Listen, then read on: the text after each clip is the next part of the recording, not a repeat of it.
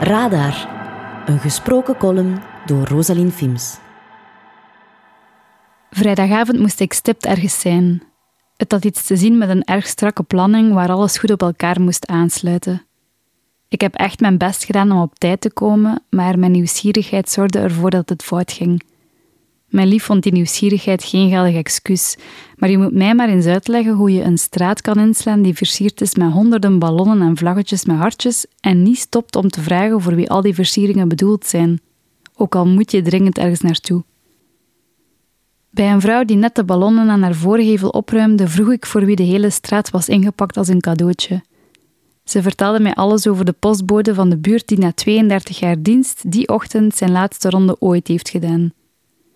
De buurt had Patrick staan opwachten met postkaartjes om hem te feliciteren en hem een goed pensioen te wensen. Ik bedankte de vrouw en nam afscheid met de woorden dat ik dringend ergens naartoe moest. Dat kwam niet meer zo geloofwaardig over, omdat ik nog net de tijd had genomen om alles te weten te komen over deze postbode, tot aan het punt of hij had moeten wenen om zoveel waardering voor zijn werk. Terwijl ik verder fietste, bleef die 32 jaar maar door mijn hoofd spoken. Ik hoop dat ik nooit iets 32 jaar lang moet doen. Ik hou meer van intens voor iets gaan in korte periodes. Een afgeleid doel houdt mij scherp.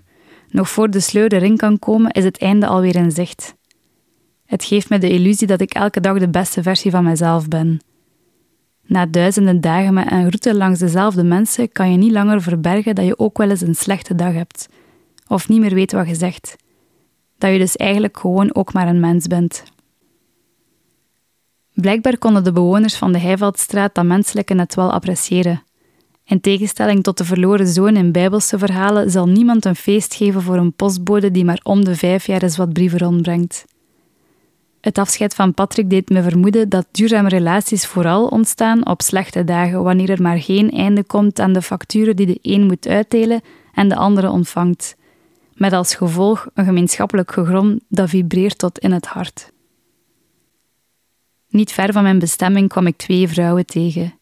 Ik kende hen nog van toen we alle drie meisjes waren. Aangezien ik toch al te laat was, stopte ik ook bij hen. We hadden het over wat er in onze levens was gebeurd sinds de laatste keer dat we elkaar hadden gezien. Ik was blij om hen terug te zien, maar mijn hoofd voelde als een flipperkast met allemaal verschillende vragen die alle kanten uitgingen en uiteindelijk bleven vastzitten in mijn keel. Daarom zou je ervoor kunnen kiezen om meer dan 30 jaar dezelfde mensen goeiemorgen te zeggen. Er is nooit een draad die terug moet worden opgepikt. Je gaat gewoon verder waar je de dag ervoor bent gestopt. Er is een sneeuwbal beginnen rollen op Patrick zijn eerste werkdag, die altijd maar sneller naar beneden is gegaan.